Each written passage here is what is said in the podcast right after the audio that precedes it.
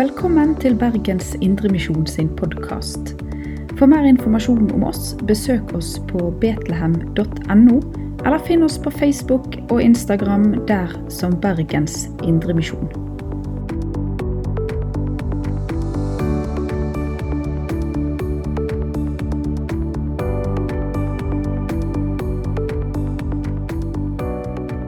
Søndagsteksten vår står eh, i Matteusevangeliet, kapittel 4, vers 1 til vers 11.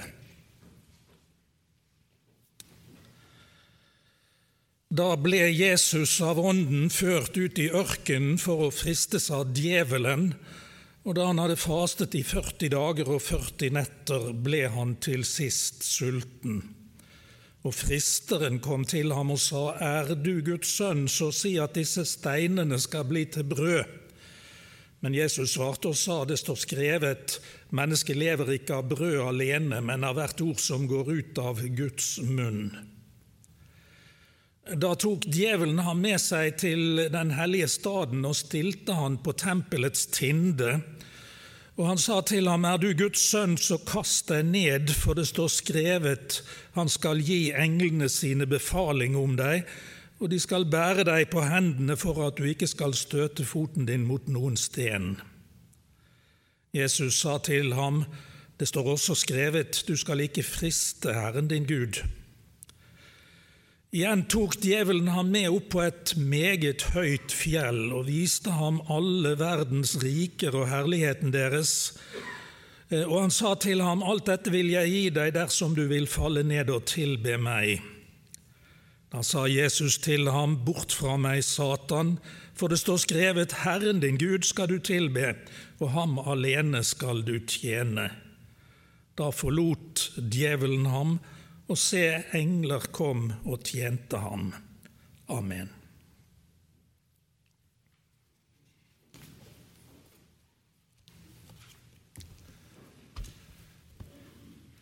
Det er første søndag i fastetiden i dag. Og På første søndag i fastetiden så handler det om kampen mot fristelser og mot fristeren. Eh, det er vår kamp mot fristeren det da handler om. Din og min kamp mot fristeren og mot fristelsene som han kommer med til oss. Det er vår eh, kamp, og det kan vi vite ut fra de to lesetekstene for denne søndagen. Ehm, det er en gammeltestamentlig lesetekst for i dag, og det er en nytestamentlig brevtekst som også er lesetekst for i dag. I den gammeltestamentlige leseteksten i Første Mosebok kapittel 2 og 3 der står det at Gud hadde latt det vokse opp en eh, praktfull hage i Eden, og der hadde han plassert mennesket. Og Der vokste det opp eh, nydelige trær som var eh, helt praktfulle å se til, og dessuten bar de frukt som var herlig å spise. Og Gud hadde sagt til mennesket at du kan spise av hvert eneste tre i hagen, men det treet som står midt i hagen, treet til kunnskap om godt og ondt, må du ikke spise av, for hvis du gjør det, skal du visselig dø. Og Så um, står det i kapittel 3 at um, fristeren hadde tatt skikkelse i form av en slange, og han um, sa til mennesket, til Eva, har Gud virkelig sagt at dere ikke skal spise av noen av trærne i hagen? Og uh, Eva svarte jo visst, vi kan spise av alle trærne unntatt det ene treet som heter treet til kunnskap om godt og ondt. Hvis vi spiser av det, så skal vi visselig dø.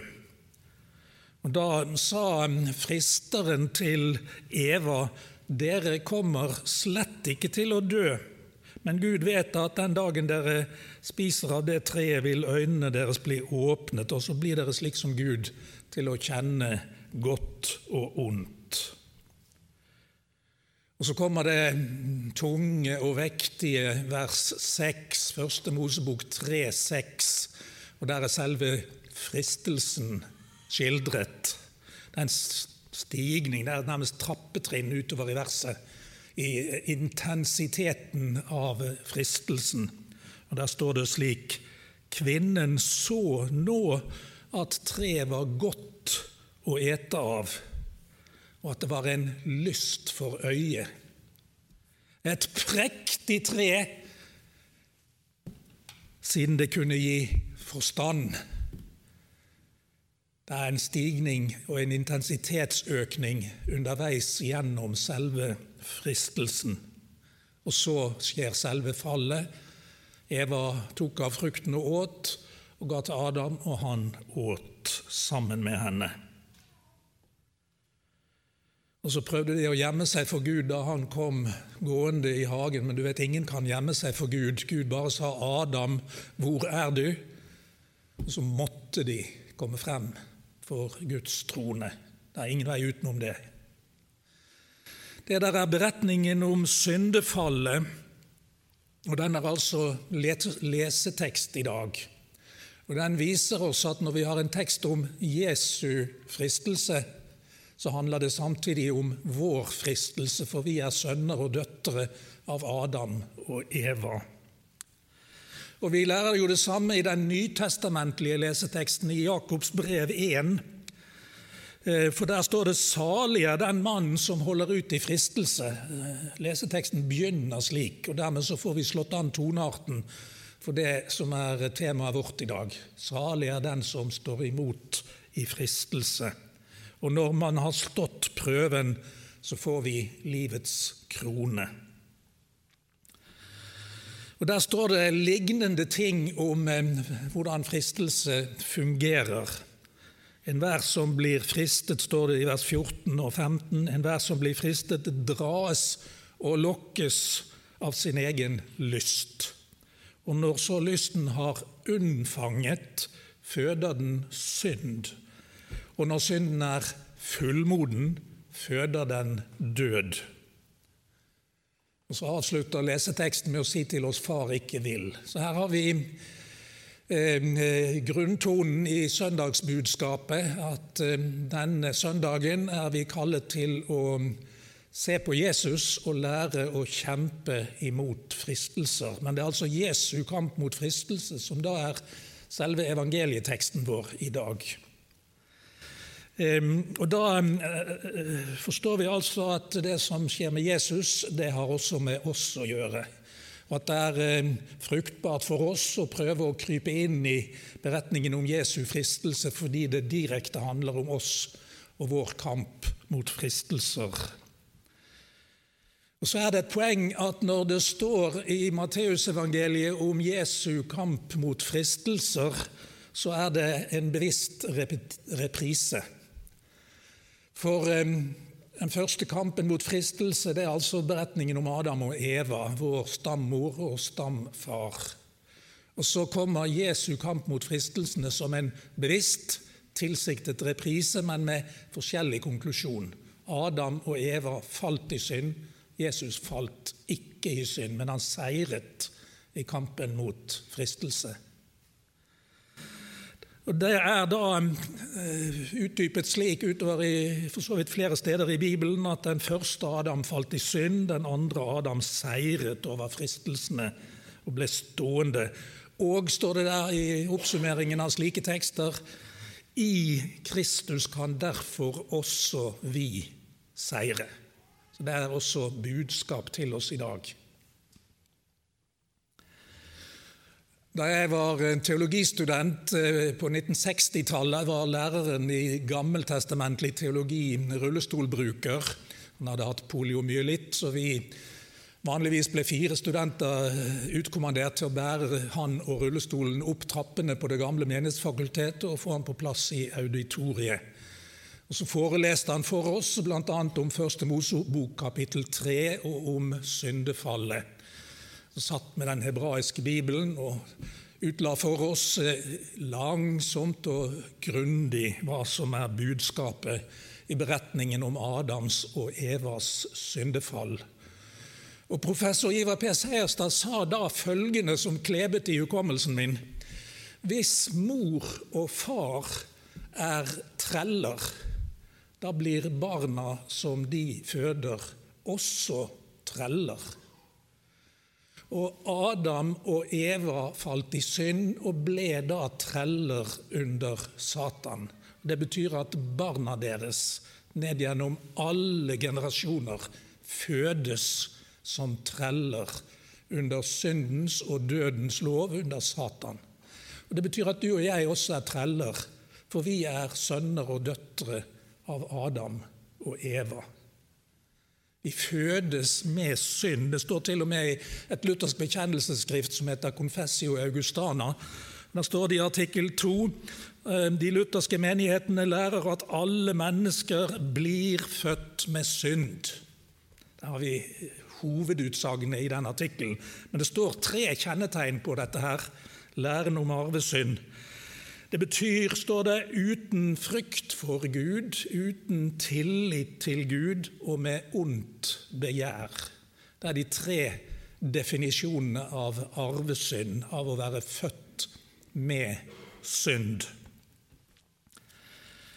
Og Det gjør at hver gang vi fristes, så blir det en tung, tung kamp. For vi er født med synd.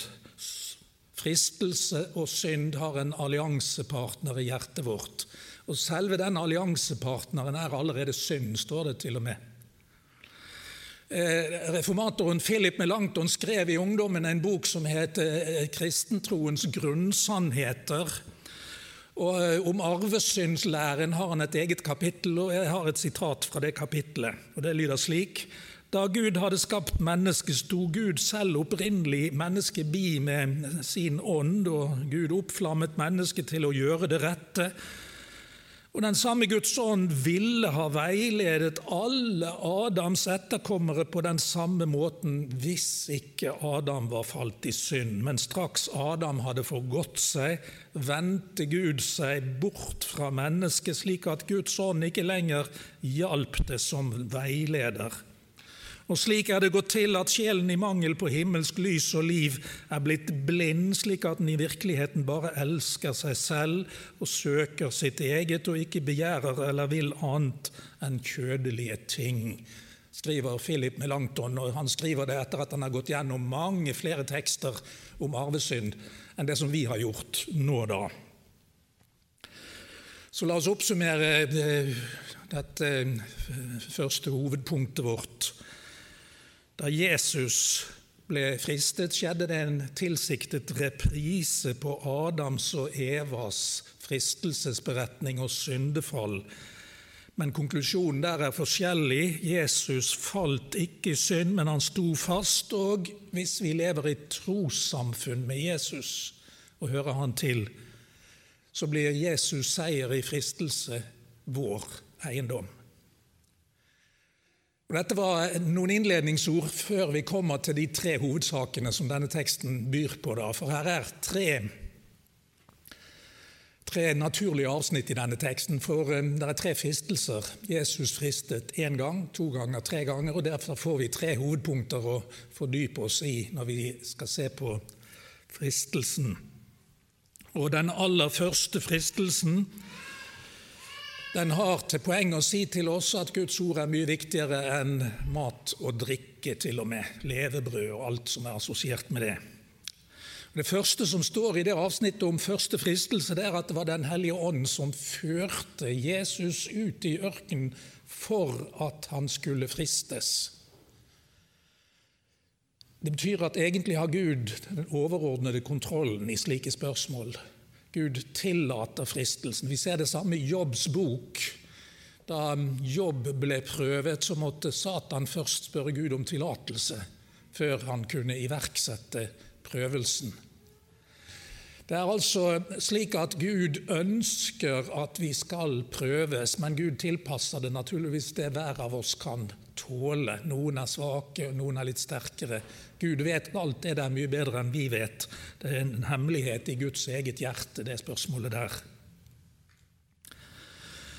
Og så står det i, Hebreabrevet 4,15 om Jesu fristelse følgende Vi har ikke en ypperste prest som ikke kan ha medlidenhet med oss i vår skrøpelighet, men en som er prøvet i alt, i likhet med oss, men uten synd. Der har vi altså poenget med Jesu fristelse, slik Hebreabrevets forfatter beskriver det. Jesus fastet i 40 dager og 40 netter, og det er sikkert reprise på disse 40 årene som Israel var i ørkenvandring på veien til det lovede landet. Der er et førtitall som går igjen i en del slike tekster, bl.a. kanskje mest av alt i andre Moseboks beretning om, og utover i Mosebøkenes beretning om det der. Moses sier det i femte Mosebok òg, i den talen som der er referert Ehm, at han hadde vært 40 dager og 40 netter på fjellet med Gud når han fikk lovens to tavler. Så 40-tallet går igjen. Og så kommer det et herlig understatement. Han ble til sist sulten, står det. Det ville jeg blitt òg, tror jeg. Vel, og vel så det. Men selve første fristelse er jo hovedsaken, da. Og den innledes med en eh, retorisk vilkårssetning. Er du Guds sønn, så si at disse steinene skal bli til brød. Kan du høre den tvilen som kommer der? Er du Guds sønn? Jesus var akkurat blitt døpt i Jordanelv like foran vår tekst. Det står i Matteus 3. Og da han steg opp av vannet, lød det en røst fra himmelen som sa, Du er sønnen min, den elskede, som jeg har velbehag i. Gud hadde sagt, Du er sønnen min. Satan sier, Er du Guds sønn? Spørsmålstegn, spørsmålstegn. Han drar det liksom retorisk i tvil, men det er bare innledning til hovedspørsmålet, da. Si at disse stenene skal bli til brød. Læren om Jesu to naturer står i Filippabrevet 2,5 og utover noen vers. Og Der er det beskrevet hvordan Jesus hadde guddommelig natur og bodde i himmelen med full himmelsk herlighet. Men så tømte han ut seg selv og ga avkall på alt det himmelske, og så tok han en ringe jordisk tjenerskikkelse på seg. Sann Gud og sant menneske. To naturer. Vi kaller det for tonaturlæren.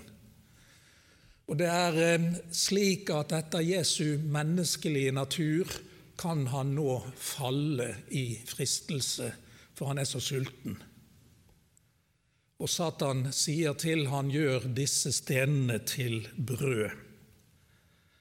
Men hva er poenget med at Jesus faster i 40 dager, og akkurat som Moses hadde gjort sammen med Gud Fader der på fjellet? Moses trengte ikke å spise, for han var sammen med Gud Alt kroppen hans trengte, da sørget Gud for i det tette, nære samfunnet han hadde på fjellet med Gud. Det er det samme som er poenget med Jesu faste. Det er denne tette nærheten med den Gud som eh, har skapt menneskets evne til å spise, ja visst, men eh, selv har han Det står vel et sted Gud har liv i seg selv, til forskjell fra oss. Sånn sett trenger ikke Gud å spise. Og det er det samme. Hvis Jesus hadde falt i denne fristelsen, så ville han ha brutt dette tette samfunnet med Faderen under disse 40 dagene med faste. Da ville Jesus ha brutt det som han hadde lovet Gud Fader på forhånd, nemlig å gi avkall på himmelherligheten sin og ta en ringe jordisk tjenerskikkelse på seg. Det ville ha vært nokså skjebnesvangert om Jesus hadde falt for denne første fristelsen. Og Jesus parerer den da med å svare med bibelsitat. Eh, mennesket lever ikke av brød alene, men av hvert ord som går ut av Guds munn. Det går jo igjen i alle tre fristelsesberetningene at Jesus parerer fristelsen med skriftsitater. Da får vi samtidig i praksis illustrert Jesu bibelsyn. For det er gammeltestamentlige sitater Jesus hele tiden parerer fristelsene med. Det er Jesu bibel, og vi lærer altså av Jesu praksis her å tenke høye tanker om Det gamle testamentet. For så vidt i motsetning til det som lett har blitt en toneart blant oss, at vi bare regner Det nye testamentet som egentlig Guds ord. Begge testamentene er Guds ord, sier Bibelen når vi ser etter det der. Og Det er altså i femte Mosebok det står Moses holder den talen som fyller så mye av femte Mosebok, og så minner han Israel om at Gud prøvde dere og lot dere sulte, og så ga Gud dere manna, en matsort som dere aldri før hadde smakt og var helt ukjent med. Hvorfor gjorde Gud begge deler, både lot dere sulte og ga dere manna? Jo, står det i forklaringen som Moses da gir i 5. Mosebok, han ville la deg vite at mennesket ikke lever av brød alene, men at mennesket lever av hvert ord som går ut av Guds munn. Det er den gammeltestamentlige utgaven av det skriftordet. Og så siterer Jesus det her med brodd mot Satans første fiende.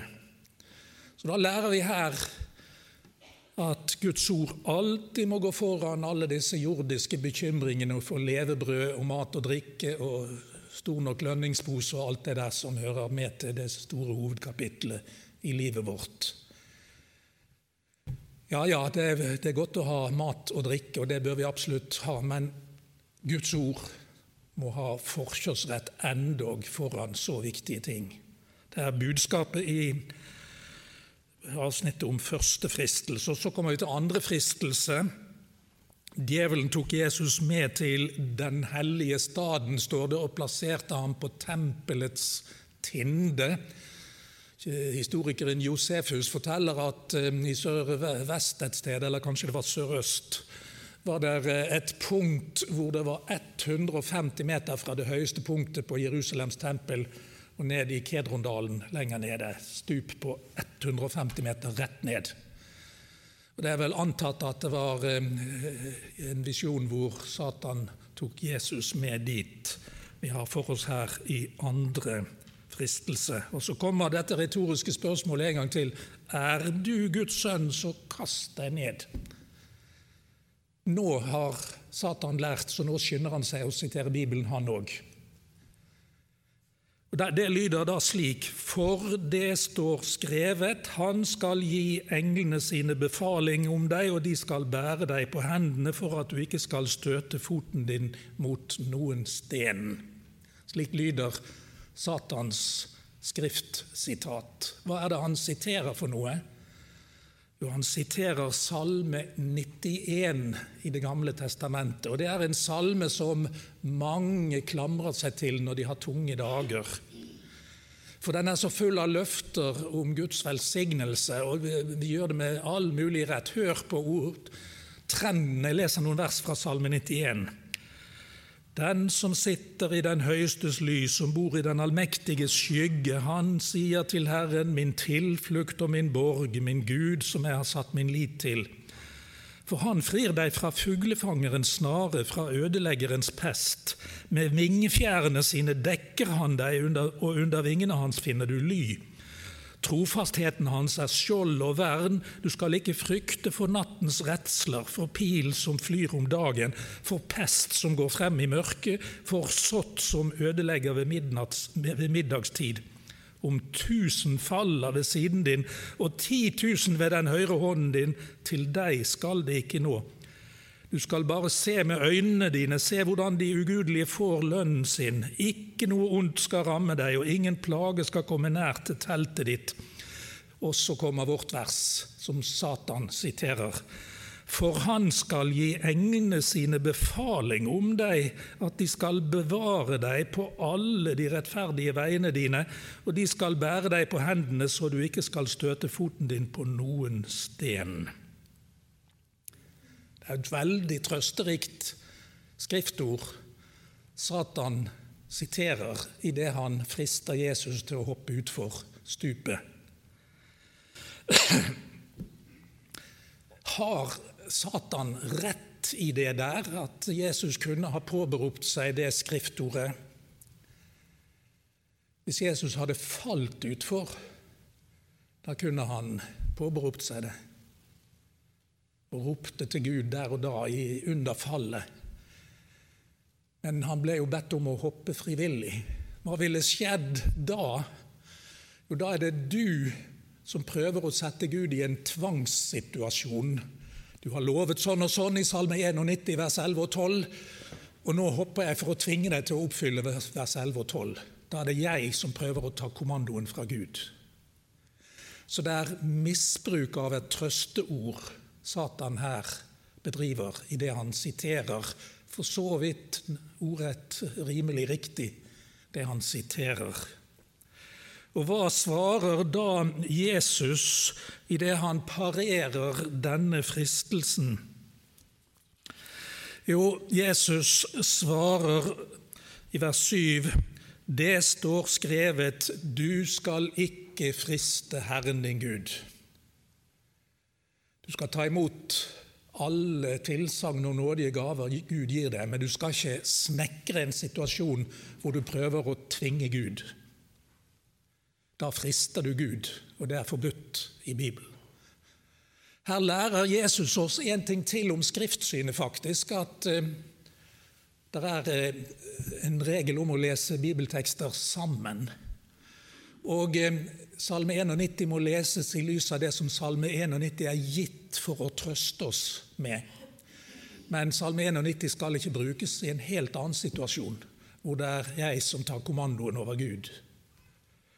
Så vi får eh, en liten regel eller en liten innsikt i dette med å lese Bibelen i sammenheng gjennom Jesu svar til Satan. Det var den andre av fristelsen. Og Det er jo dessuten en type overmodighet Jesus fristes til å demonstrere da i eh, denne andre fristelsen. Men så kommer vi til den tredje og siste fristelsen. Gud, Den kommer i vers 8 og 9. Igjen tok djevelen Jesus med opp på et meget høyt fjell og viste ham all verdens riker og herligheten deres, og han sa til ham, Alt dette vil jeg gi deg dersom du vil falle ned og tilbe meg. Jeg for min del eh, tenker meg at det er visjon eh, Jesus, eh, At Satan gir Jesus en visjon at han i en visjon tar Jesus med til et meget høyt fjell. Men akkurat det står ikke forklart, så det er mer en gjetning jeg har i det jeg leser bibelteksten. Og Du kan eh, tenke litt på hva du vil gjette på, men noe annet enn gjetninger har ingen av oss å holde oss til i den slags spørsmål. Og Det er jo ikke betont eh, som spørsmålsstilling i teksten, akkurat det der. Hva handler denne første fristelsen om? Den handler om det første bud. Hvis du vil kaste deg ned og tilbe meg, sier Satan til Jesus. Og Jesus parerer fristelsen med å sitere en av utgavene i Det gamle testamentet av det første bud. Herren din Gud skal du tilbe, og ham alene skal du tjene. I sak sier det skriftordet det samme som ordlyden i det første bud sier du skal ikke ha andre guder enn meg. Det er altså det skriftordet Jesus da eh, bruker. Jeg tror Jesus siterer eh, en utgave som står i 5. Mosebok 6. kapittel. Herren din Gud skal du frykte, og ham skal du tjene, står det der. Da er det altså slik at vi, Når vi nå har fulgt Jesus gjennom tre fristelser og når høydepunktet, så, så å si den tredje fristelsen, hvor det er selve det første bud, urbudet, grunnbudet som alle de andre budene følger av Der topper Jesu fristelse seg, og der topper Jesu seier seg i fristelsen. Jesus står imot den fristelsen. Han kaster seg slett ikke ned for Satan, selv om gevinsten kunne være fristende nok. Du skal få alle verdens land og riker hvis du vil. Nei, tenker vel Jesus ikke som gave fra Satan, men ved at Jesus med misjonens hjelp vinner oss mennesker én og én og innlemmer oss i det endelige Guds rike, så skal den seieren vinnes. Jesus har en helt annen misjonsplan enn den som Satan tilbyr ham her i den tredje fristelsen. Og Så sier Jesus 'bort fra meg, Satan'. Og Når Jesus sier det, da er det et guddommelig bud. Jesus er både sann Gud og sant menneske, og idet han sier det der, da er Satan avvæpnet, for ingen kan stå imot en slik befaling fra en som er Gud selv. Bort fra meg, Satan. For det står skrevet, Herren din Gud skal du tilbe, og ham alene skal du tjene. Ja vel, Jesu, vi får, vi får avslutte med det. Jesu kamp er seierrik. Jesu kamp mot fristelsen er full av seier. Vår kamp mot fristelser er full av nederlag. Men i troen på Jesus så blir Jesu seier også vår seier og vår eiendom. Ved troen på Jesus blir vi kjøpt fri fra trellekåret under Satan og under arvesynden og under de konkrete syndene våre. Og så blir vi innlemmet i fellesskap av de som hører Jesus til og har seier i kraft av hans seier over fristelsene. Og Da kan vi kanskje en dag greie å stå imot fristelser òg. Det ville iallfall være veldig fint om vi kunne det. Amen. Du har lytta til Bergens Indremisjon sin podkast. For mer informasjon om oss, besøk oss på betlehem.no, eller finn oss på Facebook og Instagram der som Bergens Indremisjon.